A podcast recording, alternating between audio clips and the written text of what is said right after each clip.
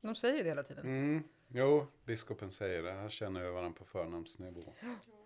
Mm. Fast hans egen Instagram heter ju biskop Dahlman. Ja, Så- just det! nej, nej, Ah, det här dåligt. ska jag, det var dåligt.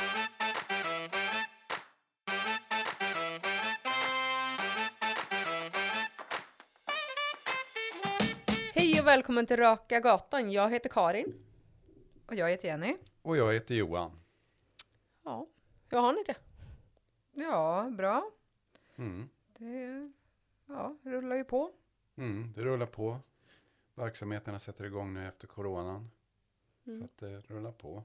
Det är Det har- singeldagen idag. Ja, vi har hört det. Eller Ja. jag förstår, ja. Ja. Jag har alltså fått 28 mejl nu om att eh, jag ska köpa massa grejer. Men Alltså, hur får du de här? Hur vet, singel. du är ju inte en singel. Nej men de Varför skickar får inte mig. jag någon mejl? Jag är kränkt. Jag hörde, Men hörde en något mamma i morse som berättade det också. Ja. Ah. Hon hade också fått en massa mejl. Ja men alltså jag har fått jätte... Hur kan du inte ha fått? Vi båda är med i Mio. Jag har fått både mail och sms från Mio. Nej, det har inte Mm. jag fått. Det har inte Nej, jag fått. Jag har i och för sig inte ens kollat. Jag kanske också har fått. Nej, det ska jag kolla. Gift och allting.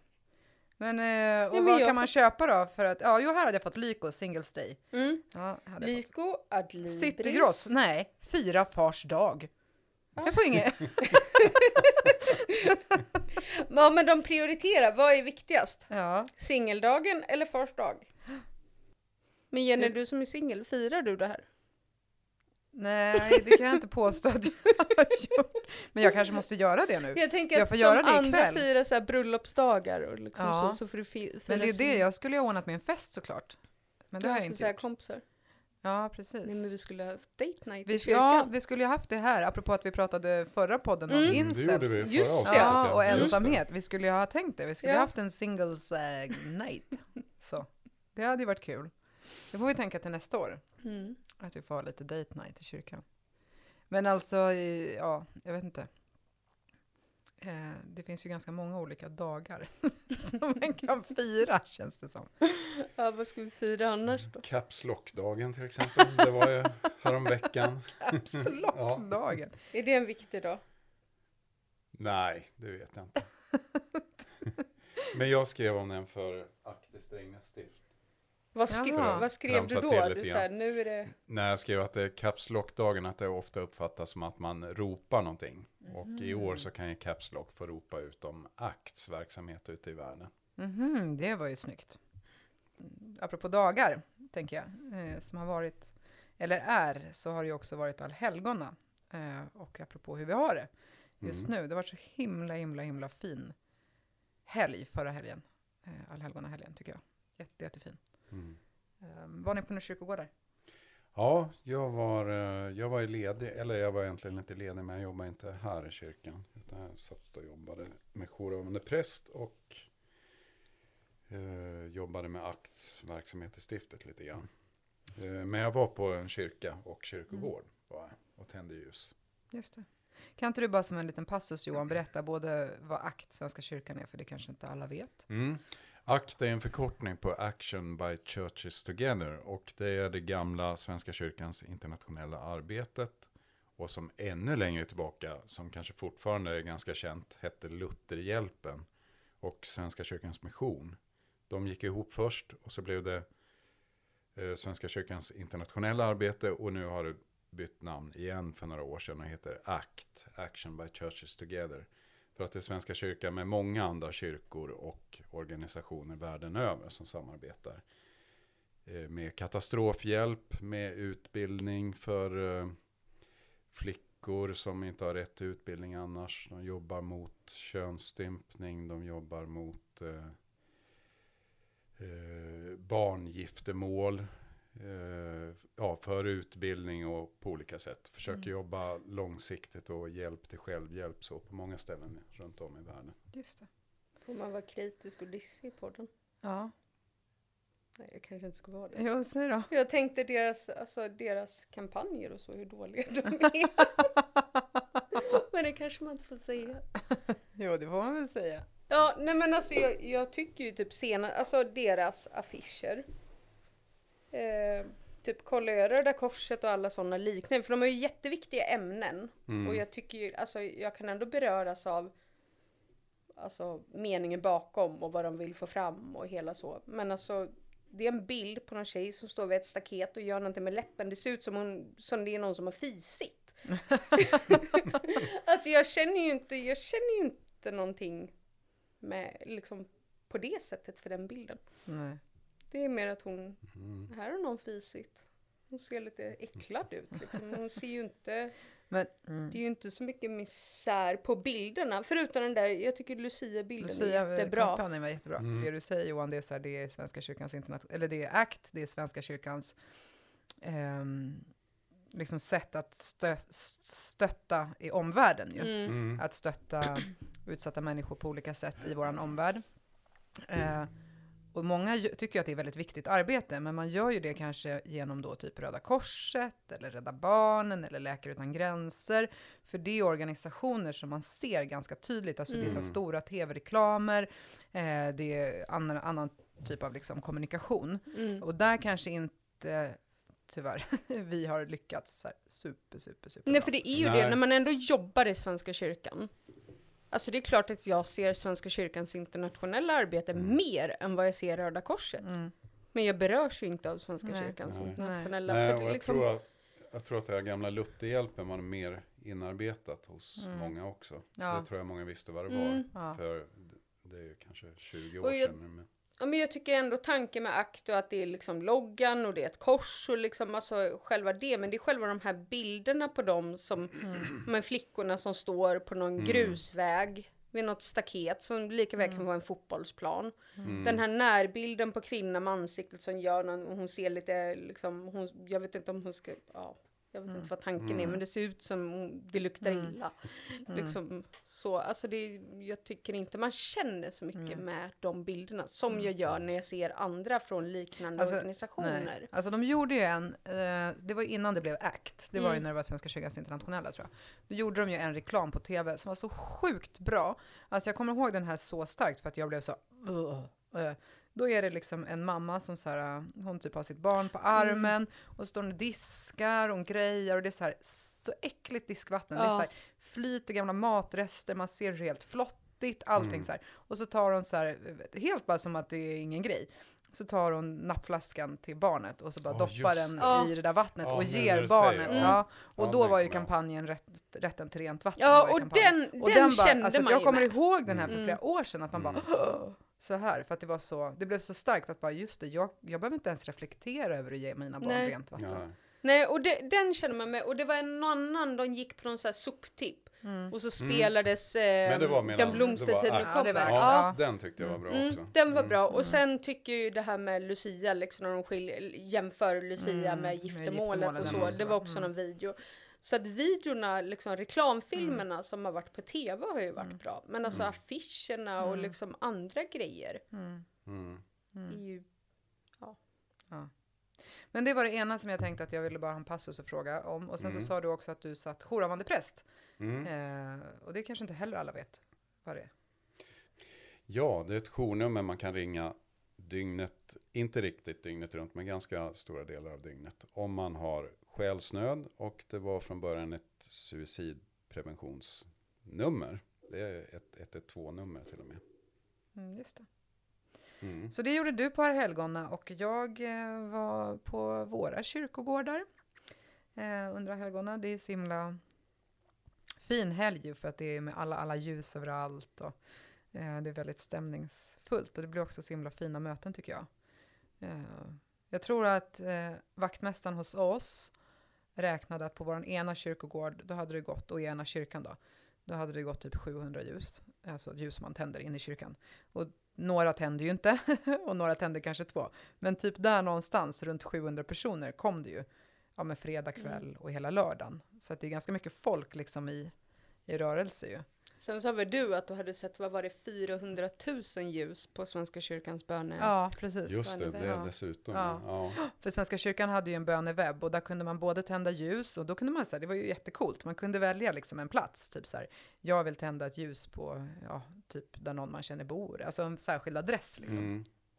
Jag tände ljus för mina morföräldrar till exempel digitalt då. Eh, där de ligger begravda i minneslund. Ehm, och då kunde man både tända ljus och skriva böner också. Och totalt böner och ljus så var det alltså på lördagskvällen 400 000. Och så bara, Mm. vi är så sekulariserade i det här landet. Men det är en rent digital tjänst va? Ja, Det är inte att man ger någon vaktmästare eller annan i uppdrag att, nej, nej, utan den var helt Nej. digital. just det. Helt digital tjänst. Men det känns ju som att liksom allhelgona verkligen växer. Alltså det blir bara Mm. mer och mer och mer folk. Och ganska mycket, det är inte bara så här man tänker att det är änkor eller änkemän, alltså äldre personer, det är ganska mycket unga Ja, många människor. unga. Mm. Ja, och många, många vänner till mig har pratat om allhelgon och så, Mm. som inte är, de går ju inte i kyrkan annars liksom, de är ingen kyrka. Så, så att då känns det som att det är en ganska, Och det är lite intressant för att jag tänker att vi, men just apropå att vi säger att vi är så sekulariserade, men också eh, utifrån det här perspektivet att vi eh, städar bort döden, liksom att man pratar mycket, eller att vi pratar om det, att vi städar bort döden i Sverige. Så bara fast här när den får liksom en ram på något sätt, eh, när man får stanna upp Mm. inför döden så blir det jättestort. Och jag tänkte också på, för jag var på, eh, jag var på Etnografiska museet den veckan, för eh, helgen innan då. Eh, och då hade de gjort jättemycket av det här um, Dia de Muertos. Eh, Eh, Just det, men kan du inte Mm. berätta lite mer om den dagen? Vad är det för någonting? Dia de Muertos, Mm. eller heter det så? Dia de Mu- Muertos? Ja, ja, jag kan inte alla, alla Det är väl spanska. framförallt i Mexiko Men, va? ja, precis. Det är en mexikansk tradition. Eh, och det är ju, eh, man tänker sig ju att det finns, alltså man har ju en helt annan syn på döden i Mexiko. Eh, och det kommer från början från aztekerna, men sen så har man då liksom mixat det här med katolsk tradition. Mm. Eh, och då tänker man ju sig att de döda liksom på något sätt är ett gränsland, alltså att de kommer tillbaka på den här Mm. dagen. Och då gör man ju, som jag har förstått rätt, och då gör man ju altare med saker som, där man liksom ska välkomna dem och där man Mm. då eh, ställer saker som de personen som man minns. Man sätter upp deras bild och sen så saker som man vet att de tyckte om ställer man på det här altaret och så vidare. Eh, så. Eh, och då var det på Etnografiska museet både så här, lite utställning kring det där och så. Och barnen kunde få göra eh, masker, så här Dia de Muerto masker och lite sådana saker, pyssel liksom. Eh, och det där känns som att det har blivit stort. Eh, och eh, även halloween i år har ju varit helt galet. Mm. Alltså helt galet. Hos mig, alltså mina grannar, jag inte, alltså det var helt sjukt hur de pyntade. Alltså det stod ju liksom skelett och det var, eh, men alltså jag vet inte vad. Helt, och pumper och liksom på ett sjukt sätt. Det var ju som ett, det var ju- Utanför lägenheten? ja, eller? ja, ja. Eh, det var ju liksom som att typ vara på spökhuset på Gröna Lund liksom. Eh, tror ni att det hänger någonting ihop med corona? Alltså jag tänker lite Gud, behovet att få, alltså Mm. kanske lite sen närma sig döden mer eftersom vi ändå på något sätt har varit nära döden på något sätt, Mm. eller tanken. Mm. Och kanske Jag till har och med hört- ja, haft men- någon anhörig som dött. Ja, jag tänker såhär Mm. dödsantalet Mm. som redovisats varje dag och att man då på något sätt får närma sig döden på ett Mm. annat sätt. Mm. Absolut. Jo, men det tror jag jättemycket. Jag hörde en annan Mm. podd, eh, Ingen inne fram, som jag lyssnar på. De pratar om precis det här. Mm. Mm. Att eh, halloween det är ett sätt liksom att behandla döden. Ja. Genom att leka Mm. kring dödssymboler och, Mm. och så. Men jag tänker om det då blir ännu viktigare nu i Ja, år liksom, ja, på exakt. grund av corona och sen bara få fira någonting och göra Mm. någonting. Ja, För det är väl kanske också... det har säkert en ja, jätteintressant iakttagelse. Det tror jag. Mm. Men det är ju också då intressant, tänker jag, därför att eh, jag tror absolut att det också är så att eh, hela halloweenfirandet och hela fascinationen som också är väldigt liksom, utbredd just nu kring så här, skräck, kring spöken, kring det ockulta, allt det liksom Mm. true, True crime, crime, jättestort. Allt det där tror jag hänger ihop med en eh, längtan och en önskan och en vilja om att få närma sig döden som vi Mm. Inte liksom naturligt så mycket har kvar i vårt samhälle. Men det som då blir spännande tycker jag med halloween, det är att det hade ju kunnat vara så att en reaktion hade varit att det bara var då liksom spökköret, alltså att man leker Mm. på något sätt. Eh, man liksom gör det till en, en fantasivärld. Men parallellt med att halloween växer och blir stort så blir också allhelgonafirandet i våra kyrkor och på våra kyrkogårdar stort. Mm. Eh, och då säger det någonting om att det där lekandet, det finns någonting i det, tänker jag, som också är ett uttryck för någon slags andlighet. Mm. Förstår ni hur jag menar då? Ja. Eh, ja, men absolut. Det tror jag. Man Alltså vill att inte det- ha båda Också. delarna Ja, men det är då. det jag Du vill tänker. Mm. ha det seriösa men du vill ändå ha det där. Och då är kanske Dia de Muerto lösningen. säga. Nej men där är det ju både och på något Mm. sätt. Ja. Det finns både det här som är lite, det är liksom ändå skeletten och det liksom är, ja så, väldigt sådana influenser. Eh, men det är också djupt andligt. eh, Mm. Och det är firandet av den som har, Mm. har dött och det finns någonting liksom, ja, det finns något eh, liksom religiöst i det där också. Precis, nej men det finns ju en sån trend överhuvudtaget som har pågått i ganska många år. Men det är säkert extra mycket i år som Mm. du säger Karin, på grund av coronan som har varit där. Mm. Eh, Men jag kom på en annan tanke också, jag som är lite intresserad av sån här gammal folktro och sägner och sådär. Och, och lyssnar på en del poddar om det. Eh, Det här med Dia de Muertos, det Mm. påminner ganska mycket om folktron kring jul här i Ja, Sverige också, eller Norden kanske överhuvudtaget. Att då tänkte man att de dödas andar var extra aktiva. Så att man till och med ställ, lät julmaten stå framme så att de, de döda släktingarna som hade gått före också kunde ha kalas på julnatten. Mm. Är det någon grund till varför man ska ställa ut gröt till tomten? Det- Att det från början istället var Ja, till- jag, ja, jag vet faktiskt inte om det, det är samma eller om det är två separata spår. Jag tänkte om För det, har blivit någon så här omvandling. Ja, liksom, det från kan- början kan var det det till vara. dem och nu har det blivit att det är till Precis, tomten. att man skulle ställa ut gröt till tomten. Ja. Men, da- ja. Kanske, ja. Men däremot så måste det vara, för att innan eh, alltså den här traditionen om att tända ljus på allhelgona blev så stark eh, i Sverige så var det ju så att då tände man ju ljus för de döda på julafton. Det Ja. var ju, den, det var ju Mm. Ja, traditionen. jul och, och Ja. nyår Ja. tror jag. Men inte, och det borde ju ha med det där att göra, tänker jag. Eller? Ja, det kan det ha att Ja. göra med. Och även det här med allhelgonahelgen, det är ju en ganska ny Mm. eh, kyrkohögtid Mm. också. Mm. Eh, det börjar ju, det här med att tända ljus på gravar och så, det var ju större runt jul och nyårshelgen Mm. Mm. tidigare har jag förstått. Eh, och eh, att det började först på 50-talen när folk började resa mer och såg i katolska länder. Där det var mer, mycket mer av den traditionen att man tände ljus på gravar. Ännu längre tillbaks före 50-talet fanns det nästan inte alls tror jag. Just det. Men hur är det med Men- ljuständning på graven nu på jul nu då? Jämfört med några år sedan innan allhelgona var så stort. Ja, det är väl säkert alla högtider är det väl lite grann. Mm. Ja, jag tänkte Ja, om ni märkt någon ja. skillnad liksom minskning Ja. vid jul. Nej, ja du har ju varit Ja. präst lite, Lite längre, längre? Nej, det kan jag inte Alltså jag skulle säga att nej, men det är som Johan säger, på alla högtider så är det vanligt att man åker till sina Mm. gravar och tänder ljus. Mm. Jag skulle inte säga att jag ser någon skillnad, utan snarare en, alltså skillnaden jag ser är ju att det är fler på allhelgona som Mm. kommer. Mm. Liksom. Men eh, inte att det har blivit mindre på jul. Men det är svårt liksom, för då kanske man inte heller, det blir inte synliggjort för oss på samma sätt, Nej. för man går inte runt och Nej. tittar liksom. Nej, precis. För det jag kommer ihåg det är tidigare församlingar som jag har jobbat i, att en del kyrkvaktmästare som har jobbat väldigt många år har berättat när de var unga eller när de precis hade börjat, eller kanske innan de började jobba till och med. Då var det vanligt Mm. mest jul och nyår, att man tände då. Och Ja, just det. Allhelgona var liksom inte alls någon större Mm. eh, högtid på det sättet i alla fall. Jag fick också lära mig eh, då när jag var på etnografiska om den här orangea färgen som jag tänker, eh, som man förknippar med halloween. Man förknippar, Ja, ja. Och det är ju pumpans färg såklart. Eh, men jag tänker att liksom alla traditioner går i varandra på något sätt. Mm. För inom då den mexikanska traditionen så är det så att där under Dia de Muertos så har man eh, rökelse. Och rökelse tog man in när, på 1500-talet när det kom eh, eh, spanjorer som var katoliker Mm. till Mexiko. Eh, och då tog man in rökelse, för rökelse har man ju i katolska kyrkan.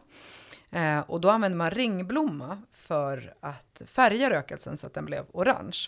Och då Mhm. tänker jag att, och då eftersom man tänker sig att på den här natten eller det här dygnet så liksom eh, suddas ju gränsen mellan män, alltså levande och döda ut. Mm. Eh, och då tänker jag att liksom andarna kommer och sådär. Och då tänker jag på att i kyrkans eh, liturgiska tradition så är ju rött färgen för anden. Mm.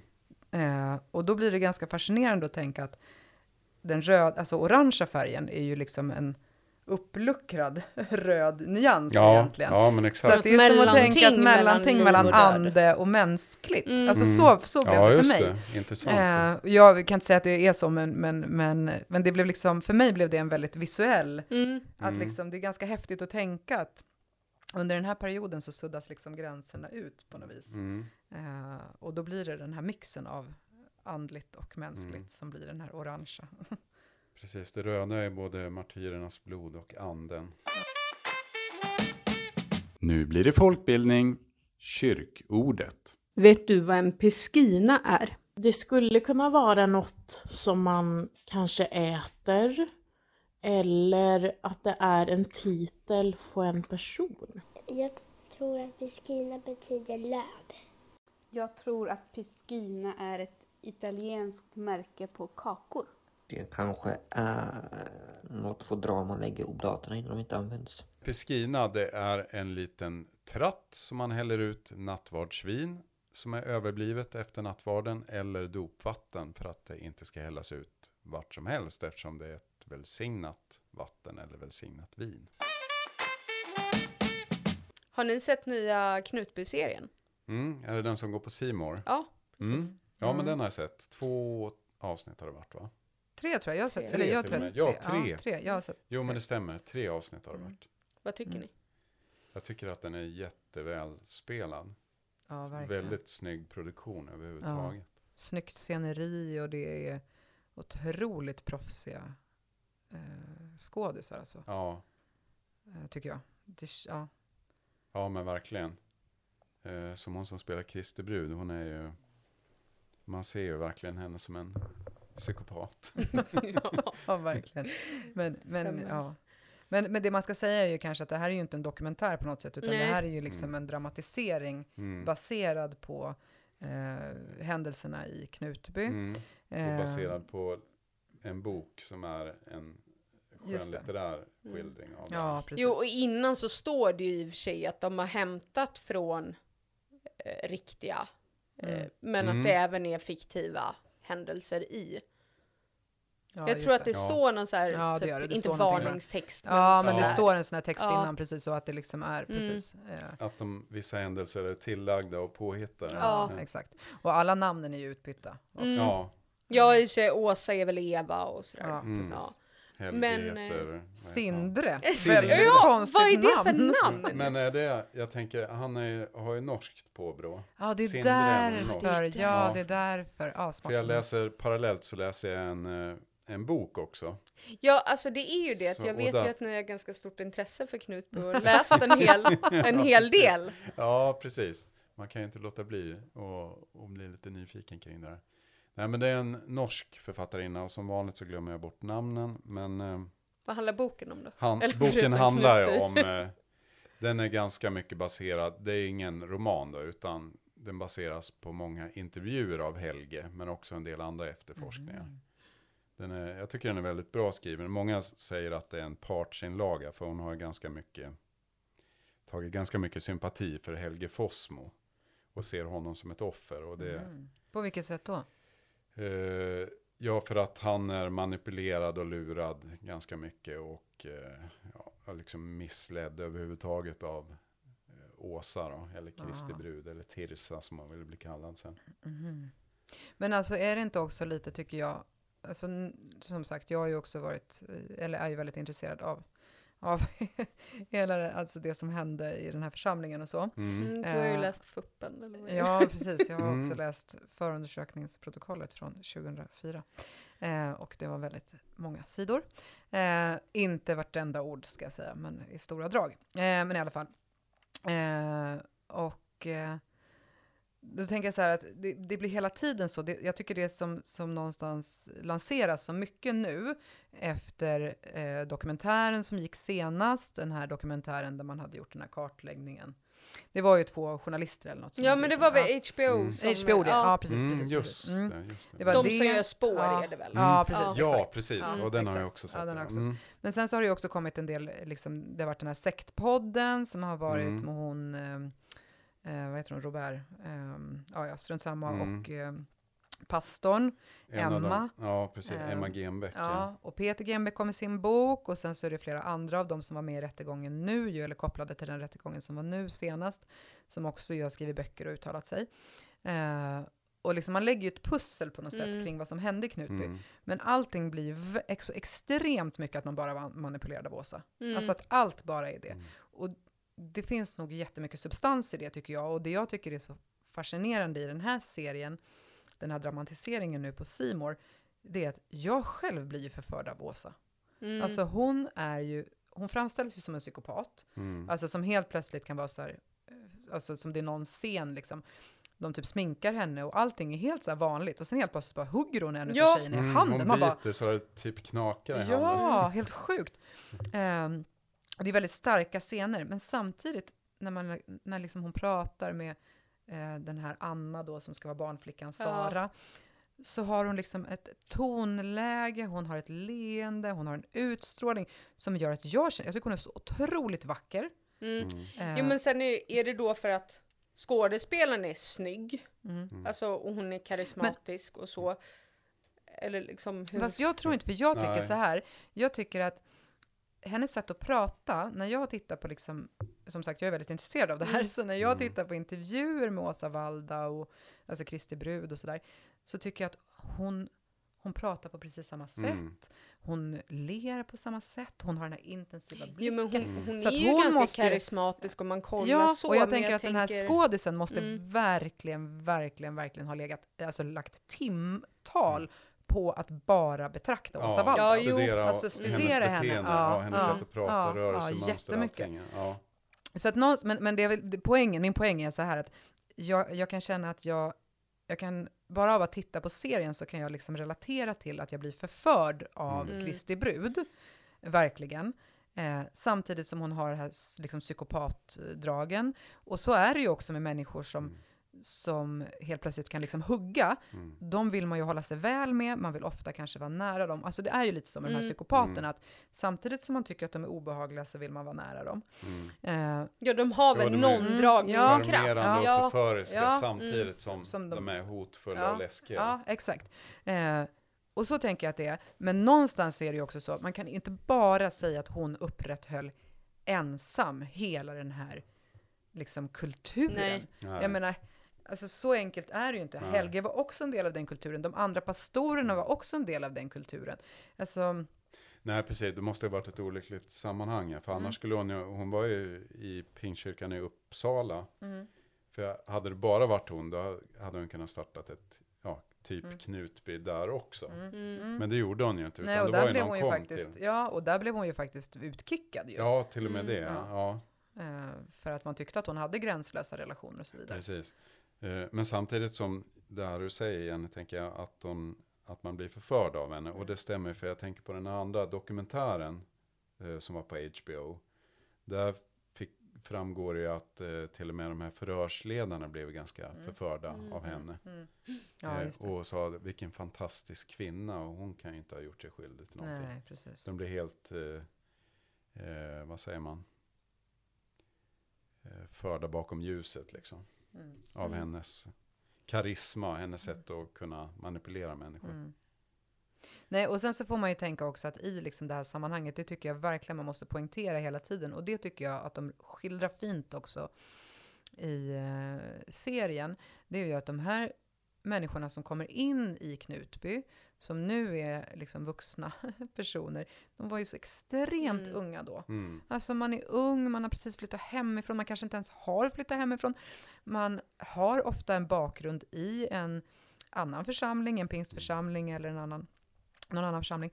Eh, så man har redan ett kristet språk, man har redan en, en liksom, eh, kanske karismatisk Ja, dragningar åt det tillhörighet. Ja, precis. karismatiska fromhetstypen. Exakt. Liksom. Eh, och så kommer man till Knutby och jag tycker det är fantastiskt när de visar i serien så här, de har fest och det dricks vin och det är lite flörtigt Mm. och det är lite så här, som, som man tycker är härligt när man är 19 år liksom. Mm. Jo, men jag tänker, Frigjort blir liksom, inte tänkte hon man. som en- Eller tänker de säkert. Jag tänker en vuxen trygghet, extra förälder som de kanske då söker sig till och behöver. Mm. Absolut. Då- Medelåldern, det tror jag är den här andra boken som jag läser parallellt och som jag ser i serien. Där medelåldern låg ju runt 30 år i församlingen. Ja, Mm. just Då, det. slutet på 90-talet, början på 00-talet. Mm. Där. Mm. Så att det var en väldigt ung församling. Ja. Hon var väl inte heller så gammal? Eller hur gammal var hon? Nej, men alltså hon var väl typ kanske tio år äldre än dem Ja. va? Mm. Och de kom där när man kanske var runt eh, liksom, övre tonåren eller runt 20-årsåldern. Ja, fast typ. är man runt 20 så ser man väl upp till någon som kanske är runt 30 som är, Mm. och speciellt någon som är Men för jag tänker, Alexandra var väl, alltså Åsas syster då som blev, eh, alltså hon som blev skjuten, Mm. Mm. eh, där 2004 av barnflickan, hon var väl tror jag 23 när hon blev skjuten, om jag inte minns helt Mm. fel. Och hon var lilla syster eller? Till, Ja, till Åsa ja. Ja, Åsa. precis. precis. eller Tirsa, Mm. vad man nu ska kalla henne. Ja. Var kommer Tirsa ifrån? Tirsa kommer, det kollar jag faktiskt. Eh, Det, för, det är ett gammalt testamentligt namn. Det finns på alla möjliga ställen i gamla tjejnamn helt enkelt. Och Åsa fick för sig att hon skulle bli kallad Tirsa när hon blev Kristi brud som person. Okej, men är det någon viktig person? Nej, Tirsa i sig är väl ingen speciellt viktig person utan det förekommer på alla möjliga ställen i Bibeln. Ja, okej, jag tänkte om det var någon så här speciell nej, så nej som... det var det jag tänkte också. Men det, eh, nej, Nej. just namnet i sig har jag inte det. Däremot Kristi brud, det är ju en gammal Mm. bild för kyrkan, den kristna församlingen. Mm, jo, Som men hon- det, det har Mm. jag hört. Som hon tolkade som hennes, Mm. hon som person, att hon Ja. personligen var Kristi brud.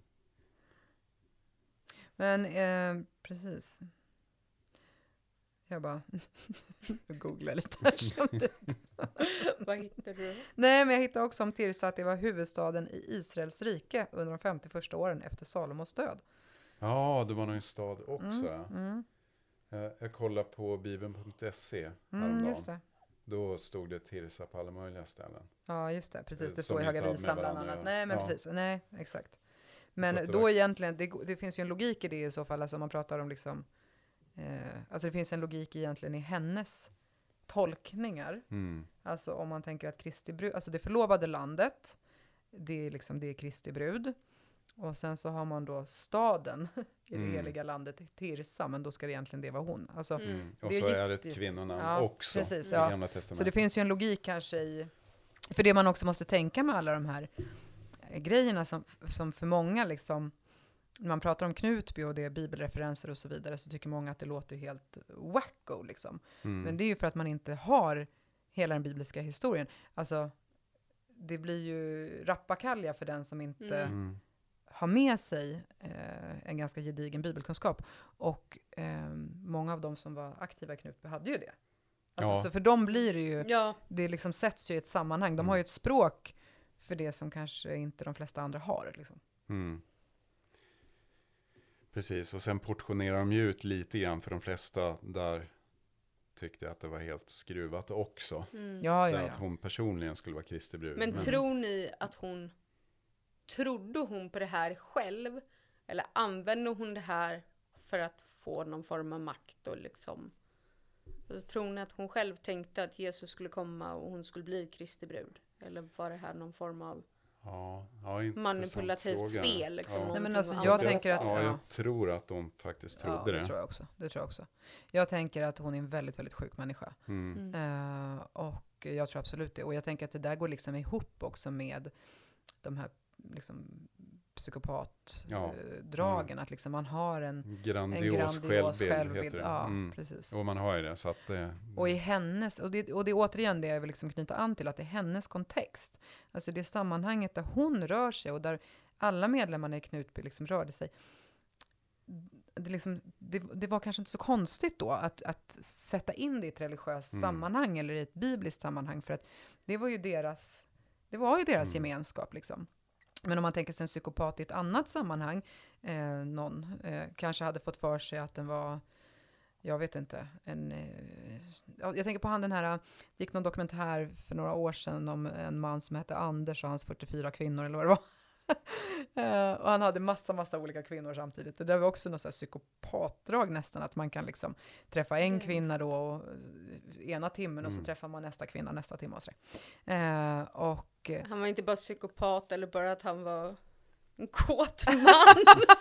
ja, kan ha varit. Kan ha varit. Nej, men han hade ju typ en svart bok så där, där han liksom antecknade om alla de här kvinnorna så han skulle hålla koll på vem som var vem. Nej, men det var, ja, det var snurrigt. Eh, och så hade han en relation med en kvinna då. Hon var ju typ eh, filmare eller någonting. Alltså hon jobbade med, Mm. med film. Så att hon gjorde en dokumentär om honom.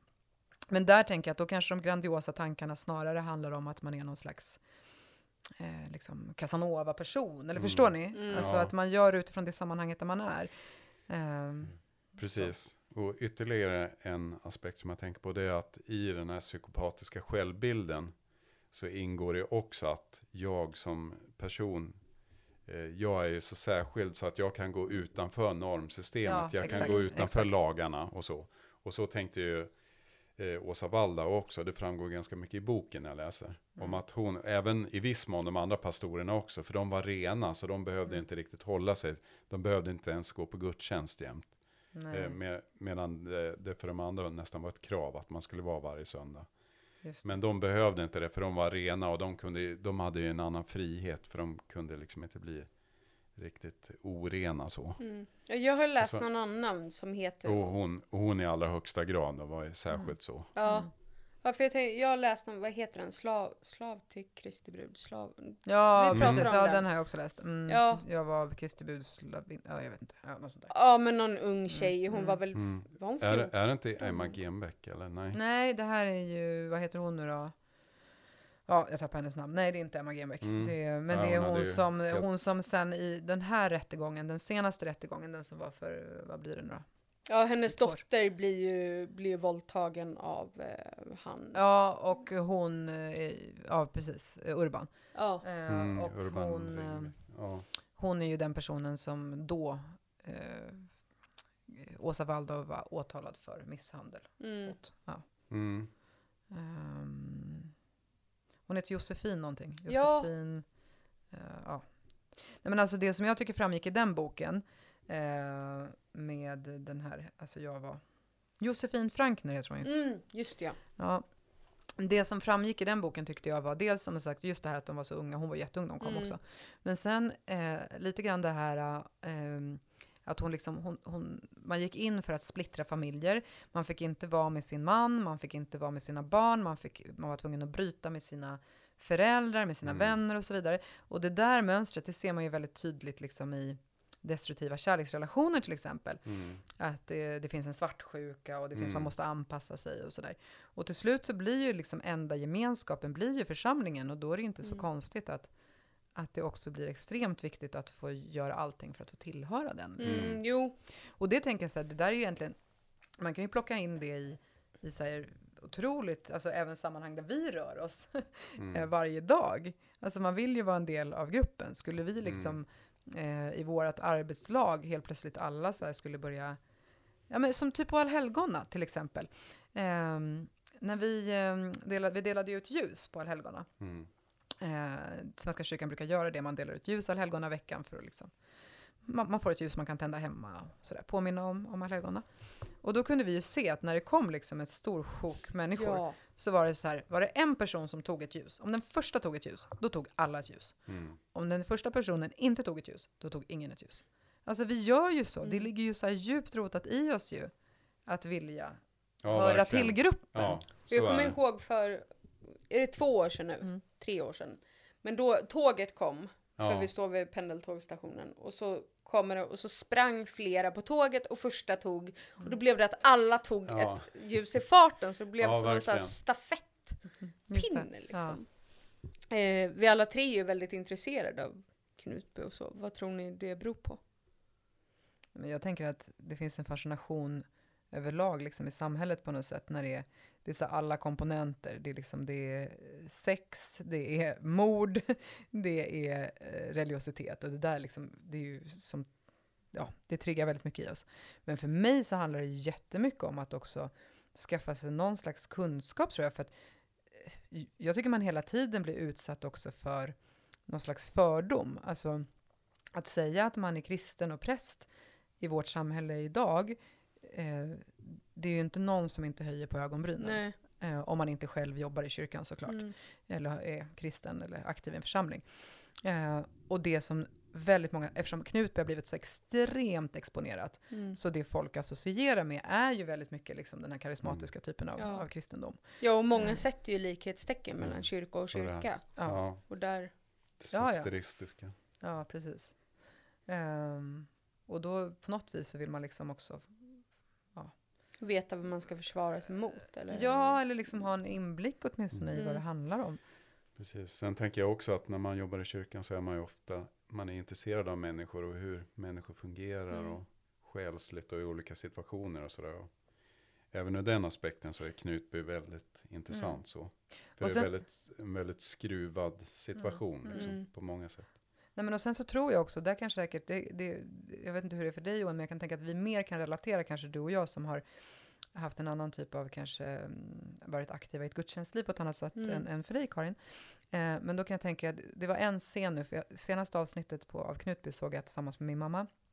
Och då var det ju den här scenen när, eh, vi ska inte spoila för mycket, men det är en scen när liksom Åsa då, eller Eva som hon heter i serien, kommer in i kyrkan och eh, det liksom är nästan en det är liksom en psykotisk, nästan grupppsykos Mm. där. Alltså man är otroligt, det är liksom, folk är, det är verkligen, verkligen, verkligen en stark scen när Mm. folk ropar liksom halleluja och prisa Gud, ja men så här, Mm. eh, i det här gudstjänstsammanhanget. Eh, och min mamma sitter ju där och muttrar och tycker att liksom, vad är det för galningar, de är inte kloka. Alltså så blir ju hennes reaktion. Mm. Men jag kan ju också känna igen mig i den här otroligt starka känslan man kan få i en gudstjänst. Eh, där man känner att liksom här sker någonting Mm. med mig. Eh, och där det liksom finns någonting i rummet, det finns någonting i gruppen, det finns någonting, Mm. inte kanske då förknippat med en person på det här sättet, liksom, Nej. som kommer in som Jesus själv. ja. Inte personkulten liksom. Nej. Men just den här upplevelsen av att man, man delar någonting väldigt, väldigt andligt starkt. Mm. Den, har ju jag, den erfarenheten har ju jag också gjort. Och jag vet kanske även Mm. du.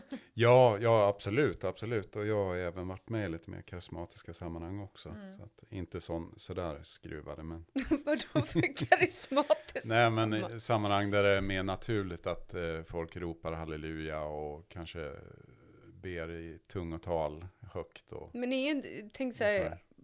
Hillsong, ja, Hillsong kanske inte är riktigt så, men jag tänker att det är mer sång och mer... Mm. Ja, Mm, att är man sträcker upp händerna och sådär. Ja, och till. fysiskt Ja. uttryck på Mm. det Ja, sättet. Ja, mer, ja. ja ex exakt. Och jag tänker att det kanske, det ser väl kanske värre ut än vad det är. Det, av scenerna i serien så var väl den den minst extrema. Mm. Vet Ja. inte. Mm. Ja. Men jag tror att många kan stå, jag tror att, må- jag Mm. tror att, och det där är också, jag kan bli lite så här, för det, måste finnas en balansgång i det där också, för att hur mycket ska man också exponera de här människorna som har varit en del av den här församlingen, Mm. de har ju blivit extremt exponerade liksom. Ehm, men jag tror att för någon som är helt liksom novis när det gäller kyrkan så tror jag att en sån scen verkligen kan vara så här, gud de är bara knäppa kristna. Mm. Alltså att man inte förstår att det handlar inte om att man är en knäpp kristen typ, utan det handlar om mycket djupare mekanismer Mm. än så. Och att i alla, jag tänker också bara så här, eh, typ när man har varit i Tissé, det här klostret i Frankrike, som är en helt annan slags gudstjänstform. Mm. Det är liksom, man sjunger meditativa sånger på olika språk och man sjunger dem om och om och om igen och sen så är, sitter man liksom i tystnad väldigt, väldigt länge, det är tyst bön. Så många som kanske håller på med så yoga eller meditation eller mindfulness skulle kunna känna sig ganska bekväma i för att det är en sån form. Men där kan jag ju också verkligen ha haft så otroligt Ja, stark verkligen. andlig erfarenhet Mm. av att bara, alltså det här är så stort liksom. Mm. För det är ju också så att, att vi har ju en tro på att det finns en gud som Mm. verkar och som, är, som vi möter i gudstjänsten också. Så att, Mm. Men kan man inte jämföra det? Men jag tänker typ sekulariserade människor kan väl jag tänker en andlig upplevelse bara av att höra någon låt som Ja, tilltar alltså, liksom. ja. Och, det, och vad blir då skillnaden på att samtidigt när de människorna står i gudstjänsten och sjunger tillsammans eh, nej men ta att du ska gå på en konsert. Ja, Alltså, ja precis, så alla hoppar alla tillsammans. hoppar tillsammans och du bara, Ja. Och ibland kan du gå på en konsert, du tycker typ inte ens att, alltså det är inte ditt favoritband. Nej, du tycker inte men, att de är så himla bra, men stämningen är Ja. så, Ja, att bara alla Stark. hoppar tillsammans och ja, man har kul och man, ja. liksom så. Ja, det Mm. blir ju en känsla. Mm. Jo, det är ju samma fenomen egentligen. Ja. Det är Mm. det. Mm. Ja, och en konsert blir ju bättre Mm. än om man står, om man står tre personer längst fram. Man, det blir ju inte Precis. samma. Eller en fotbollsmatch när man Ja, jublar tillsammans verkligen. och, och hoppar Ja. och skriker och har sig. Liksom. Mm. Ja, för jag, kan, alltså, jag tycker inte fotboll är jätteroligt alltså, men jag har ju gått på flera fotbollsmatcher där man rycks med Mm. i Jo, men det är, det är verkligen så. i stämningen Ja. och det blir väl samma sak där då. Eh, det finns väl den där eh, religionssociologen som typ jämför religion med fotbollsmatcher med typ symbolen och gemenskapen och allting. Just det. Dyr, Durkheim, Dur, Mm. Ja. jag vet inte om Ja, jag just säger det. namnet. Emil Durkheim. Durkheim tror jag man uttalar mig. Mhm. Jag är inte helt säker. Ja, eller det är nog inte han som gör den jämförelsen, men det är baserat på hans teorier. Ja, precis. Nej, men och så är det ju. Jag tänker att för liksom alla de som någonstans eh, tycker att det här är så märkligt och så konstigt så tror jag att om man liksom går till sig själv och ser i vilka sammanhang blir jag liksom medryckt eller hänförd eller vad ska jag säga. Eh, om det är så en fotbollsmatch eller om det är eh, en konsert eller något annat slags liksom event där jag är en del och där jag känner så här, gud jag blir helt uppfylld om man liksom kan relatera till den känslan så kanske man också någonstans har lite större eh, förståelse för fenomenen Mm. i Knutby. Mm. Eh, så. Men det ska bli spännande tycker jag att se hur de eh, väljer att liksom gestalta resten, för det här är ju Mm. bara, det har ju inte hänt så mycket i själva eh, plotten ännu. Ja, det, det har ju hänt en del, men inte själva liksom eh, morden 2004 och så, dit har det inte kommit ännu. Nej. Eh, så det blir Jo, spännande. jo, e- ja, ena mordet. Ja, nej men Som det är precis. Ja, är som mord. förmo- ja, precis. Ja. Men inte skjutningarna. Nej, tänkte nej, just det. Mm. Nej, För det där är ju tidigare. Ja, eh, när eh, Helges första fru drunknade. Eller ja. Om slår i ja. huvudet eller blir mördad med bättre medicin. Ja, tror, Mm. vad tror ni? Jag tror att det är precis så att hon blev dödad på tre sätt. Tre sätt. Jag tror att hon både blev drogad till döds, alltså, eller att hon fick så pass mycket droger, Mm, Att man slog henne att man i slog huvudet henne i Mm. huvudet och att sen la henne i vatten. i Ja. badkaret. ja. Mm. Mm. Mm. Helge. Helge, absolut.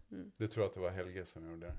Ja, det tror jag, men jag Mm. tror att det... Kanske inte själv, men Kanske jag inte tror att själv, han är, Mm. men att rent han är ju fysiskt. definitivt Mm. inblandad. Ja, ja, ja, Han, ja. han huvud- lyfte ju han lyfte lyfte in, ja. det. Mm. Ja, men och rent Som en fy- tanke. Ja, men precis. Nej, men, och jag tror att rent fysiskt var det nog kanske han som utförde åtminstone. Alltså för jag tänker rent, vem var annars inne i huset och sådana här Mm. saker. Mm. Men... ehm, Ja, han kanske inte är enda hjärnan bakom Nej, det, det och tror jag den inte. som Nej, det så, tror jag inte. men nej. jag tror ju definitivt Mm. att han är en huvudperson Mm. i mordet. Ja. Mm. Ja, ja, visst. Nej, och det framgår i den här Knutbykoden också. Eh, Helge Fossmos bakgrund. Han hade en Mm. pappa som var ganska destruktiv. Han Mhm. hade flera kvinnoaffärer och eh, var ganska våldsam också. Ja, okej. För det är ju en annan, det är en annan podd helt enkelt. att vi kan eh, Vi kanske ska, hela utreda. podden handla om Knut. Ja, ja Mm. precis. Om Helge. Nej, men alltså det är ju fascinerande att han fick så mycket kvinnor. Är det inte? Mm. Han Jo, alltså man damer. kollar, han som är skådespelare, alltså han, men han ser ser ju mycket ganska- bättre Ja, ut än han är ju- riktiga han är ju snygg. Ja, han är men, snygg. Jo, men är det inte så att, eh, det har jag också läst någon sån här utredning om sektledare. Eh, som, det kan ju vara ganska okarismatiska personer och så, men om de hamnar i rätt sammanhang Mm. så får de liksom Mm. det ljuset på sig. Mm. De blir liksom upp på backade liksom och, och så satta på piedestal på något Mm. sätt. Och då får de jättemycket inflytande. Ja, just det. Kanske Jo. inte i, i, Nej, och det är i klart, sin det egen handlar ju- kraft så mycket egentligen. Men, Nej, Nej, nej men sen kan ju någon som är, som kanske inte, man inte tycker är så snygg från början. Men med personlighet och Mm. hela alltihop så blir den snygg. Och det kanske Ja, och liksom... som det är sagt, och positionen, statusen. statusen och positionen, och han var kunnig och de såg upp till Mm. honom och bla bla bla. Jo, självklart Ja, så. allt ihop så kanske han blev liksom en väldigt Mm. karismatisk person när man var involverad. Mm, Ja, just det sammanhanget, just där och då, Mm. i det Mm. sammanhanget. Jo, det tror jag. Men vad tror ni eh, firar Helge Fossmo Singles Day? Han shoppar från fängelset. Ja. hur många mejl har han fått? det hela, Ja. Precis, hur många mejl har Helge fått? Ja, Ja. men hörni, då kanske jag ska ge mig iväg och köpa en liten tårtbit här och fira Singles Day för egen del. Ja. Mm. Mm. Så får vi säga tack för idag och eh, så. ja, Ja. men vi säger väl så. Ja. Ja, det gör vi. Ja. Mm. Mm. Tack för idag. Tack för idag. Tack.